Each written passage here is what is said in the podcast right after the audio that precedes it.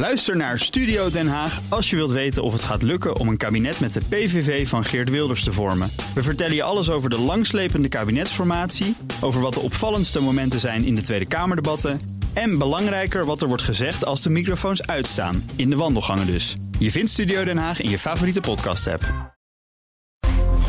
BNR Beurs wordt mede mogelijk gemaakt door Bridge Fund. Make money smile. BNR Nieuwsradio. BNR Beurs.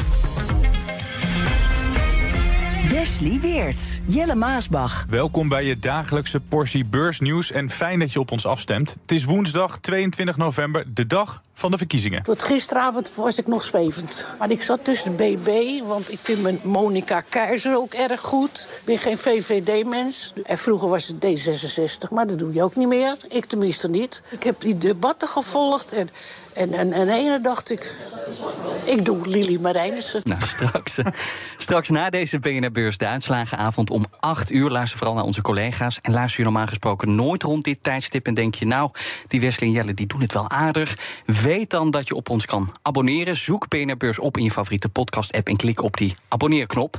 Genoeg zelfpromotie, want op deze verkiezingsdag is er in ieder geval één winnaar, de AX, want die sloot 0,2% in de plus en eindigt boven de 760 punten. Grootste stijger, ArcelorMittal, wint 1,9%. En we hebben de lijsttrekker van de aandeelhouder hier bij ons, Nico Inberg.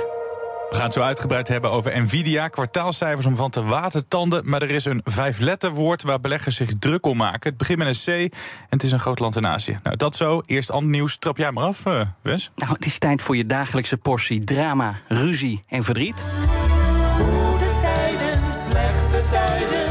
Ja, we gaan naar de soap rond OpenAI, de maker van ChatGPT... met in de hoofdrol Sam Altman. En ik verklap alvast, het is een soap met een verrassend einde. Nog even kort, hè, wat vooraf ging, want dat doen ze ook altijd bij goede tijden, slechte tijden. Sam Altman werd dus vlak voor het weekend op vrijdag ontslagen. Het bestuur wilde hem niet meer als topman, maar de exacte reden blijft een beetje vaag. Mocht je dit programma nog nooit hebben geluisterd... dan denk je, nou, ze draaien alleen maar muziek voor goede tijd. Die komen ze ook nooit meer terug. Dat doen we normaal nooit. Altmans ontslag was in ieder geval het begin van dagenlange chaos. Uiteindelijk vertrok hij naar Microsoft. Vrijwel alle medewerkers dreigden mee te gaan. OpenAI leek op uh, sterven naar dood. Ja, maar ik zei het al, het einde is dus verrassend. Want Sam Altman keert nu terug naar OpenAI. En het bestuur dat hem dus wegstuurde, wordt nu grotendeels vervangen. Maar hoe nu verder, Nico? Ja, ik weet het niet. Kijk, Microsoft die, uh, trekt natuurlijk aan de touwtjes daar. Van mij hebben ze 49% van uh, OpenAI. Dus dat is de eindbaas. En ik begreep ook dat die jongens eerst zouden overstappen naar Microsoft. Uh, toen ze weg waren. Ja, toen Microsoft Oké, als je terug gaat, dan ga je maar terug. Ook goed. Maar um, ja, het, uh, uiteindelijk is het belangrijk. Want er, gaat, er wordt natuurlijk heel veel ontwikkeld daar. Ze, zijn heel, heel, ja, ze hebben nog een voorsprong op, op, op andere partijen. Dus er wordt waarschijnlijk ook wel aan die jongens getrokken door andere bedrijven. Van die hebben bepaalde informatie of bepaalde kennis die uh, andere bedrijven misschien ook wel willen hebben. Dus ik denk dat het voor, voor Microsoft wel uh, belangrijk is om die jongens in ieder geval aan boord te houden. Het zij bij Microsoft, het zij bij OpenAI. En uh, zoals een echte soap, hè, het, het, is in ieder geval wel goed afgelopen nu. En, ja, dat is voorlopig de vraag. althans. Dus misschien komt er nog een cliffhanger, ik ja, weet het precies, niet. Maar... Precies, want Microsoft is voor 49% aandeelhouder van OpenAI, maar heeft amper stemrecht. Gaat dat nu veranderen? Want er is nogal wat gebeurd. Hebben ze nu meer leverage, denk je? Ja, dat zou kunnen. Ik weet niet. Kijk, je moet je voorstellen, Microsoft, ook al hebben ze niet, niet, niet heel veel stemrecht, ze hebben natuurlijk een, een heel groot uh, belang. En het is een heel sterk bedrijf, een heel, heel uh, groot bedrijf. Dus die hebben daar een hele grote vinger in de pap. En ze zijn natuurlijk gebaat bij rust. En dat die jongens, wat ik net zei, ook al aan boord blijven. Maar toch, hè, wij, wij zijn de kijkers van deze soap. En, en als je dan ziet, ja, het, het komt een beetje over alsof daar bij OpenAI een stel ruziende pubers uh, zit. Terwijl dat toch een bedrijf is met een waarde van 80 tot 90 ja. miljard dollar. Ja. ja. hoe bizar is dat? Ja, dat is, het is, ik weet ook niet wat er aan de hand is. Hè, dat, dat, uh, ze hebben niet bekendgemaakt waarom die jongens zijn uh, opgestapt. Ontslagen eigenlijk. Ja, waarom ja. dat is. Ja, heb ik nog nieuws over Warren Buffett, vriend van de show toch wel. Die plaatst een brief op de website van zijn Berkshire Hathaway... met erin wat uh, opvallende nieuwtjes. Hij zegt, ik weet dat ik speel in de verlenging. Nou, hij is 93. Ja. En daarom komt hij met wat mededelingen. Ten eerste, hij bevestigt dat Berkshire de juiste CEO in huis heeft... om hem op te volgen. Craig Abel, de vicevoorzitter, die gaat Buffett opvolgen. En hij vertelt meer over zijn erfenis. Over hoe de miljarden worden verdeeld? Ja, zijn drie kinderen, Howard, Susan en Peter... die die zijn de begunstigsten. Ze gaan uh, zijn goede doelen, stichtingen leiden. En daarmee komen we gelijk op het punt van de erfenis. Zij gaan er namelijk op toezien dat papa 99% van zijn vermogen weggeeft aan goede doelen. Een paar jaar geleden waren ze er niet klaar voor, voor deze enorme taak, zegt hij. Maar nu wel. Hij heeft al tientallen miljarden weggegeven. En na zijn dood gaat er dus 99% van 120 miljard dollar naar de charity. Wat anders dan, want de Europese Centrale Bank is helemaal klaar met banken die nog altijd hun klimaatrisico's niet goed in kaart hebben. Dat moet eindelijk eind volgend jaar zijn gebeurd, maar veel banken lijken dat niet te gaan halen en dus raakt het geduld van de ECB op. De Centrale Bank moet daar natuurlijk op toezien en heeft nu naar 20 banken een boze brief gestuurd. En daarin staat een deadline. En als de banken die niet halen, dan krijgen ze een boete. En die boete kan fors oplopen tot 5% van de dagomzet. En daarover schrijft Bloomberg. En dat baseert zich dan weer op anonieme bronnen. Alleen Nico, waarom vindt de ECB dit uh, zo belangrijk. Ja, dat weet ik ook niet. De ECB moet daar helemaal niet op toezien. Die moet gewoon zorgen dat de inflatie onder controle is. Dat is een enige taak enige uh, wat ze moeten doen. En dat hebben ze niet goed gedaan. Dus maar jij vindt dit bijzaak? Ik stel ze, nou ja, het is heel belangrijk. Hè. Als het klimaat uit de, de klauw loopt, dan moeten we daar wat aan doen. Maar uh, dat is niet de taak van de ECB. De ECB is, is uh, ingesteld op het handhaven van, van stabiele prijzen. Van prijsstabiliteit. En dat is een enige taak. Dus ja, dit hebben ze verklooid eigenlijk. Ze hebben alleen maar obligaties opgekocht om die inflatie laag te houden. En uh, toen zijn ze ermee gestopt. En nu is die inflatie sky high. Dus ik, uh, ik stel voor dat ze zich daarop richten. Een retour afzender kan uh, op die brieven van de ECB. Bij wijze van spreken. Over banken gesproken. De Rabobank had niet zo'n leuke dag. Kreeg een boete van ruim 26 miljoen euro. Je hoort Cyril Ruurs, advocaat mededingingsrecht. De boete is opgelegd omdat er sprake zou zijn van een uitwisseling van commercieel gevoelige informatie over staatsobligaties. En dat gebeurde tussen handelaren enerzijds van Deutsche Bank in Frankfurt... en anderzijds handelaren van Rabobank in Londen. En dan gaat het om uitwisseling van onder andere prijzen, volumes, de identiteit van de tegenpartij, maar bijvoorbeeld ook prijsstrategieën. En dat dan voor een periode van 10 jaar tussen 2006 en, en 2016. Jelle, we gaan het nu hebben over het maken van chips. Maar straks hebben we het over een koekjesmaker. Nou, dat klinkt minder ingewikkeld, is het ook. Maar duidelijk is dat beleggers smullen van het aandeel. We beginnen met de hit van 2023, Nvidia. Dat blijft maar profiteren van de hype van dit jaar, AI.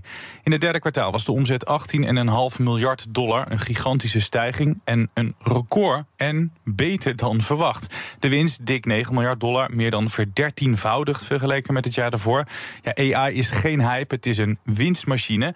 Maar er is een maar. En dat heeft te maken met China. US controls on the export of cutting-edge chips to China are now the company's big worry. Nvidia expects a steep drop in fourth quarter sales to the country as a result. Ja, Nico, eerst na afgelopen kwartaal lukt het Nvidia om die gigantische vraag bij te benen, want het is uh, ja, dat zoete invallen. Hè? Ja, dat is heel goed. Maar wat, wat zij doen, kijk, ja, zij ontwerpen die chips en iemand anders maakt ze. Dus uh, ze kunnen capaciteit inkopen bij verschillende fabrieken. Dus dat, dat is het ja, probleem zit niet daar. Ze kunnen voldoende leveren. Dus uh, je ziet ook die omzet, hoe hard die gaat. Dat is echt ongelooflijk. Hè? Want voor mij het eerste kwartaal hadden ze 7 miljard omzet. En toen gingen ze naar 16, geloof ik. En nu zitten ze op, op 18. Dat zijn enorme uh, stappen. En dat gaat nog hoger. Wie zijn die klanten die ze zo graag... Uh ja, heel veel. Ik heb, heb eh, die, die, als je die analistical leest, uh, dan kan je lezen op Seeking Alpha. Daar staat gewoon alles wat ze hebben gezegd en zo. En dat, dat, dat is echt, uh, ze noemen allerlei dingen op. bijvoorbeeld één ding, om dat, wel leuk om dat, dat uit te halen. Bijvoorbeeld overheden zijn er ook mee bezig. Er wordt in Duitsland bijvoorbeeld een supercomputer gebouwd. Jullie heet dat. En die, die koopt dan 24.000 van die dure chips. Vind ik wel grappig, want in Duitsland kan ik nergens pinnen moet je alleen met contant geld betalen. Maar Duitsland ja. uh, gaat toch inzetten op een supercomputer. Nou, nou dat, mooi. Mag ook wel eens een keer. Maar dat bedoel, er zijn allerlei, allerlei uh, toepassingen datacenters, hè, daar, daar, gaat het eigenlijk mhm. om. Daar hebben ze 15 miljard omzet uh, gehaald afgelopen kwartaal.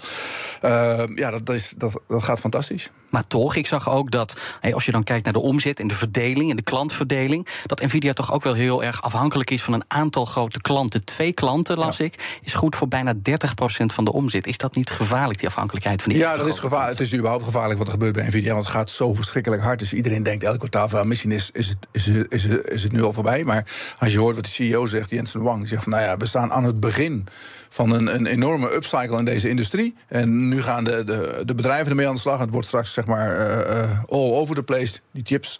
Dus hij denkt dat er nog veel meer aankomt. Dat ze in ieder geval dit jaar, volgend jaar en 2000 2025 nog doorgroeien uh, vanaf het huidige niveau. Het punt is natuurlijk wel dat er ook wat verandert. Want je ziet nu dat die bedrijven die chips nodig hebben om die AI-modellen te trainen. Mhm. Maar na, na, verloop van tijd verschuift dat trainen. Dan, dan, dan gebruiken we het ook daadwerkelijk. En dan heb je dus ook minder uh, ja, van die AI-chips nodig. Want ja, het gebruiken is minder data-intensief. Betekent dat dan ook ja, dat je dus nou, misschien dus vanaf 2025 een gigantische terugval gaat zien? Ja, vind ik moeilijk om te zeggen. Want uh, kijk, ja, er zijn ook andere bedrijven die daarmee bezig gaan. Dus dat gaat, dat gaat de hele wereld over. En er zijn heel veel partijen mee bezig. Dus uh, ja, voordat dat afgelopen is, ik weet niet of dat ooit afgelopen is. Maar je blijft het trainen, je blijft data uh, ja, behandelen, zeg maar. dus, maar ze zullen ongetwijfeld met een. Met een, met een uh, ja, ik, ik weet niet hoe ze, hoe ze dat verder gaan doen. Ik weet wel dat ze nu bezig zijn met de ontwikkeling van een nieuwe chip en nog een nieuwe chip.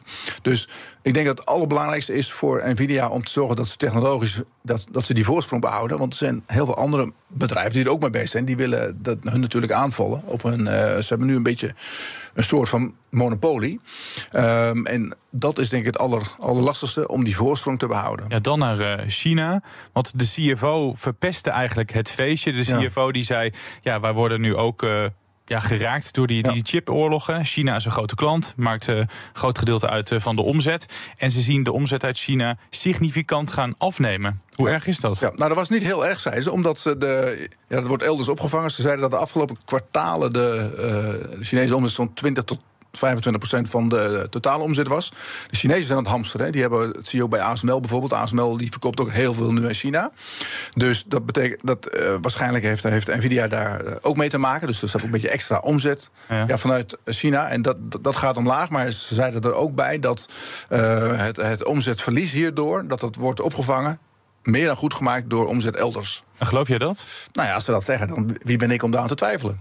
Ja, er zijn wel meer beursbedrijven geweest, toch? Die zeiden van het komt wel goed en dan bleek ja, het toch. Nou ja, ik wil niet zeggen dat ze zeggen het komt wel goed, maar ze, ze zien natuurlijk een enorme vraag overal. En uh, je ziet ook dat, dat de prognose die ze afgeven voor het komende kwartaal is hoger dan dit kwartaal. Ze denken nu 20 miljard omzet te halen. De, dus uh, in het volgende kwartaal, in, in het lopende kwartaal. Dus ja, wat ze zeggen, als dat waar is, is het waar. Nou, China is dus potentieel een bedreiging. Maar jij noemde net, Nico, nog wat anders interessant. Die concurrentie, die toenemende concurrentie. Ja. Staat die monopoliepositie, ligt die onder vuur van Nvidia? Je moet je voorstellen, zij zijn nu de enige die die dingen leveren.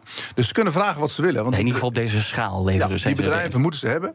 En, en uh, dus uh, ja, wat ze vragen wordt betaald. Want die bedrijven die moeten die chips hebben. En als er straks een andere partij komt die ze ook kan maken... of er zijn ook partijen die, die zijn zelf bezig hun eigen chips te ontwikkelen. Ja, Microsoft bijvoorbeeld. Ja, en dan wordt het een ander verhaal. Maar nu moet nog steeds iedereen bij de kassa langs uh, Nvidia.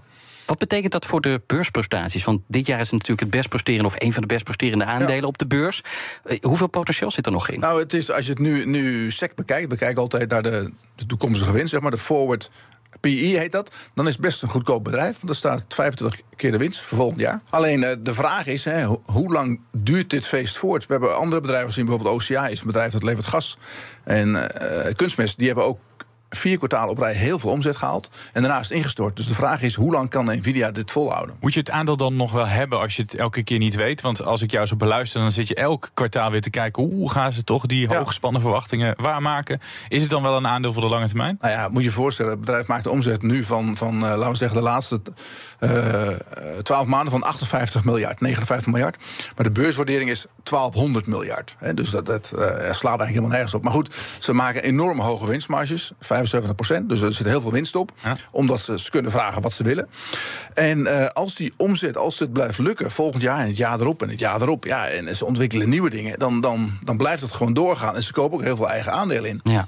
Dus ja, dat is één grote cashmachine. Maar als je nu aan het luisteren bent en je denkt, ik vind die aandelen een beetje te duur worden, wat voor alternatieven heb je nog? Zijn er goedkopere alternatieven rondom AI? Uh, ja, van AI rondom AI, ja, dat, dat is lastig. Kijk, je kunt altijd kijken naar concurrenten, maar vaak zijn goedkopere aandelen niet per se de betere aandelen. Er is vaak een reden waarom een aandeel goedkoop is en een aandeel duur. En uh, Nvidia is, kijk, het is natuurlijk hard opgelopen, maar als je puur kijkt naar de, de waardering op basis van hoeveel ze verdienen.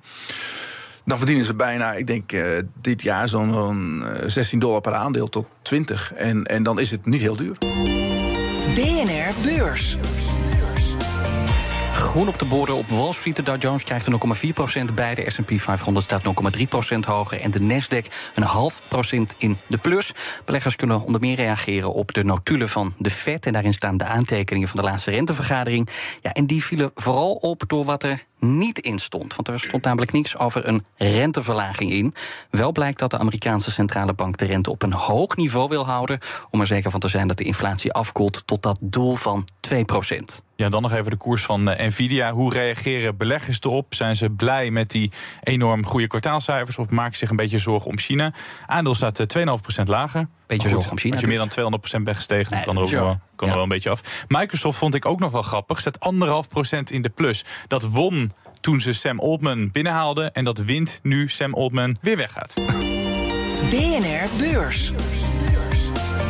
Philips, Randstad, Heineken. De AX kennen we als de binnenkant van onze broekzak. Maar de wereld is groter dan alleen de Amsterdamse beurs. En de reden voor BNR Beurs om deze hele week te kijken naar andere beurzen. En Nico, jij wil graag naar de zuiderburen. Dat was niet op de Bahamas, dat was op de Antillen. Waar dat je daar het kennis gemaakt met uh, Veronique. Ten eerste is het Isabel. En ten tweede, er is nooit iets gebeurd. Spijtig. Lotus speculoos. Je kan van mening verschillen, maar niet van koekje. Nou, daar in België wordt in ieder geval gehandeld onder het genot van koekjes. Gaat namelijk over Lotus Bakeries, hier vooral bekend van de speculoos. En Nico, wat doe jij elke ochtend op je boterham? Speculoos? Uh, ik neem een bakje muesli, dus ik heet geen boterham meer, maar pindakaas vind ik lekker. Oké, nou.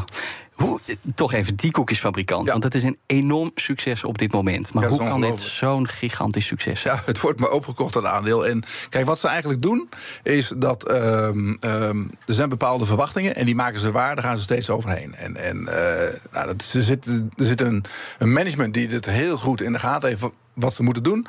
Um, het is een, een ja, product dat uh, koekje, je kent het misschien wel, je ziet het wel, dat Lotus koekjes. Je overal op de wereld waar je komt, bijvoorbeeld op een luchthaven, waar je komt die dingen overal tegen. Lekker hoor. Als je erop gaat letten, dan denk je echt van hier hebben ze het ook, hier hebben ze het ook. Iedereen vindt het lekker. En uh, ja, ze groeien elk jaar. Ze, ze, ze, kunnen, ze kunnen over de hele wereld nog uitbreiden. Want ze bouwen fabrieken links en rechts waar die koekjes worden gemaakt. Dus ze hebben ook een. een uh, want het wordt nu een beetje gezegd van ja, maar die, het, is, het is toch minder gezond. En ze moeten een beetje kijken naar het, het, verbruik van suiker. Hè, dat, dat, uh, maar ze hebben bijvoorbeeld ook een aantal jaren geleden overname gedaan in Engeland. Hebben ze een bedrijf gekocht met candy bars. Van die fruitbars. En dat begint nou ook goed te lopen. Natural Foods heet dat. En daar hebben ze eigenlijk al een, een soort diversificatie te pakken. Waarmee ze ook in de toekomst door kunnen groeien. Nou, we zat even te kijken naar die koers sinds uh, halverwege corona. Half uh, ja. 2020 enorm gestegen van 2800 ja, drie, bijna. Vandaag uh, boven de 8000. Boven de 8000 zelfs, ja. dat heb ik niet gezien. Ach, Historisch hoogste punt ooit. Ja. Ik dacht wel, niet echt voor, voor een consument. Nee, het is ook veel te duur. Waarom hebben ze dat niet gesplitst eigenlijk? Geen idee. Ik denk dat, misschien is dat ook een van de redenen dat, dat heel veel mensen er niet bij kunnen. Of dat, dat, uh, dat ja, alleen voor de, kijk, een particuliere belegger die zal geen aandeel kopen van 8000. Die denkt, ja, daar nee. kan ik er maar één van kopen of twee. dus, uh, maar uh, nee, het, het, aandeel is echt heel duur hoor. Ze, het, ze noteren als je, als je puur kijkt naar de, de, de koers-winstverhouding, staat die boven de 50. Mm -hmm. Ik denk vandaag wel 52 of zoiets. Dus, dus echt een duur aandeel. Maar uh, eerlijk is eerlijk, elk jaar uh, behoorlijke omzetgroei, goede winst. Enorme cashflow. Dus het loopt als een dolle. Maar dan is het eigenlijk misschien nog wel bijzonderder dat ze zonder al die particuliere beleggers, al die fanboys, dat ze tot dit niveau zijn. Ja, maar... Zegt als je het een aandeel van het volk maakt, dat koekje kan iedereen wel bij de koffie. Ja krijgen, maar het aandeel niet. Ja, maar kijk, het is wel zo dat, dat wat, je, wat je heel vaak ziet bij, bij retailbeleggers, dat die dan als ze winst hebben, dan al, die willen heel graag een keer winst nemen. Terwijl instituten, als die wat goeds te pakken hebben, die blijven gewoon zitten. En uh, ja, in dit geval hebben ze wat goeds te pakken, maar ja, kijk, als je ook kijkt naar de analisten adviezen. Er is geen enkele analist meer op de wereld die hier een koopaanbeveling op durft te geven. Want het, het is gewoon rete duur. Mm -hmm. En één misstap en uh, halveren, bij wijze van spreken. Maar uh, ze leveren steeds. Ja, maar toch heb je meegenomen, Nico. Dit aandeel. Ja, nou ja, ik, zo, ik zocht een, een uh, echt mooi Europees aandeel. Wat, wat, het, is, het is gewoon een heel goed bedrijf, heel goed management. En ze, ze, doen iets simpels, hè, want het is gewoon een koekje. Maar iedereen vindt het koekje lekker. En ze, ze rollen het uit over de hele wereld. Ik moet wel zeggen dat speculoos... Ik heb eens een keer een presentatie gegeven hierover. Toen had ik dat... Ik denk, ik moet dat speculoos moet ik even, want ik, ik had het nog nooit gehad, maar dat is echt niet, niet weg te krijgen. Niet weg te krijgen? Nee, niet lekker. lekker man. Even ontzettend smerig. Ja? Serieus, eet ja. je dat? Op je boterham? Zeker, van die uh, speculoos pasta. Ja. Met dat vind ik helemaal niks. Maar goed, het, uh, er, zijn, is een ding. er zijn kennelijk mensen die het lekker vinden. En, en vanaf welk niveau vind je dit wel weer een uh, interessant aandeel, Nico? Nou ja, kijk, dat, dat hangt er vanaf. Uh, heel veel mensen die kijken ernaar, die denken van ja, ik vind het te duur. Ik heb het gemist. Hè? Dus, dus ik laat me even gaan. En als het straks, als er wat misgaat, maar dat is de ellende vaak. Als het misgaat en het aandeel gaat omlaag, ja, dan wil je het niet meer, want dan is er wat aan de hand. Maar uh, ik vind. Een aandeel met zo'n groeipotentie, dat zou, uh, ja, als, als, het, als het voor de helft te krijgen is, dan is het wel interessant. Ook morgen weer een uitzending, want wie de verkiezingen ook wint, BNR-beurs blijft bestaan. Kunnen we hierbij komen? Dat doen ze trouwens in de Verenigde Staten ook. Maar dan vanwege iets heel anders. In Amerika wordt er even niet met geld belegd, maar met kalkoen. Vanwege Thanksgiving blijven de beurzen in de VS dicht. In Europa draaien we wel op volle toeren. Dan namelijk nieuws over hoe onze fabrieken draaien. Er komt dan een nieuwe inkoopmanagersindex uit. De afgelopen maanden was die niet bepaald om over naar huis te schrijven. Telkens lager dan verwacht en een stand onder de 50, wat staat voor krimp. Maar er lijkt licht aan het einde van de tunnel. In Nederland dan, want naar verwachting zijn we hier weer wat positiever ingesteld. Dit was de BNR-beurs van woensdag 22 november. Nou, in elk programma ging het zo'n beetje over de verkiezingen. Maar wij hadden het gewoon over chips en koekjes. Nvidia, de koning van de chips. En over Lotus Bakeries, de koekjeskoning van België. En ook een beetje van de Belgische beurs. En dat deden we met uh, koning Nico Inberg van de aandeelhouder. Dankjewel. Ja, goed dat je er was. En uh, mocht je voor het eerst hebben geluisterd en uh, wil je nog meer horen, ga vooral naar je favoriete podcast-app. Of zoek gewoon in Spotify, zoek gewoon in Apple Podcast. zoek ons op. BNR-app, ja, dat kan ook nog. En uh, vergeet je vooral niet te abonneren. En wij zijn er gewoon morgen weer. Hè? Zeker. Tot morgen. Tot morgen. BNR Beurs wordt mede mogelijk gemaakt door Bridge Fund. Make money smile. Ook Thomas van Zeil vind je in de BNR-app. Je kunt live naar mij luisteren in Zaken doen. De BNR-app met breaking news, het laatste zakelijke nieuws... en je vindt er alle BNR-podcasts, bijvoorbeeld Het Nieuwe Geld. Download nu de gratis BNR-app en blijf scherp.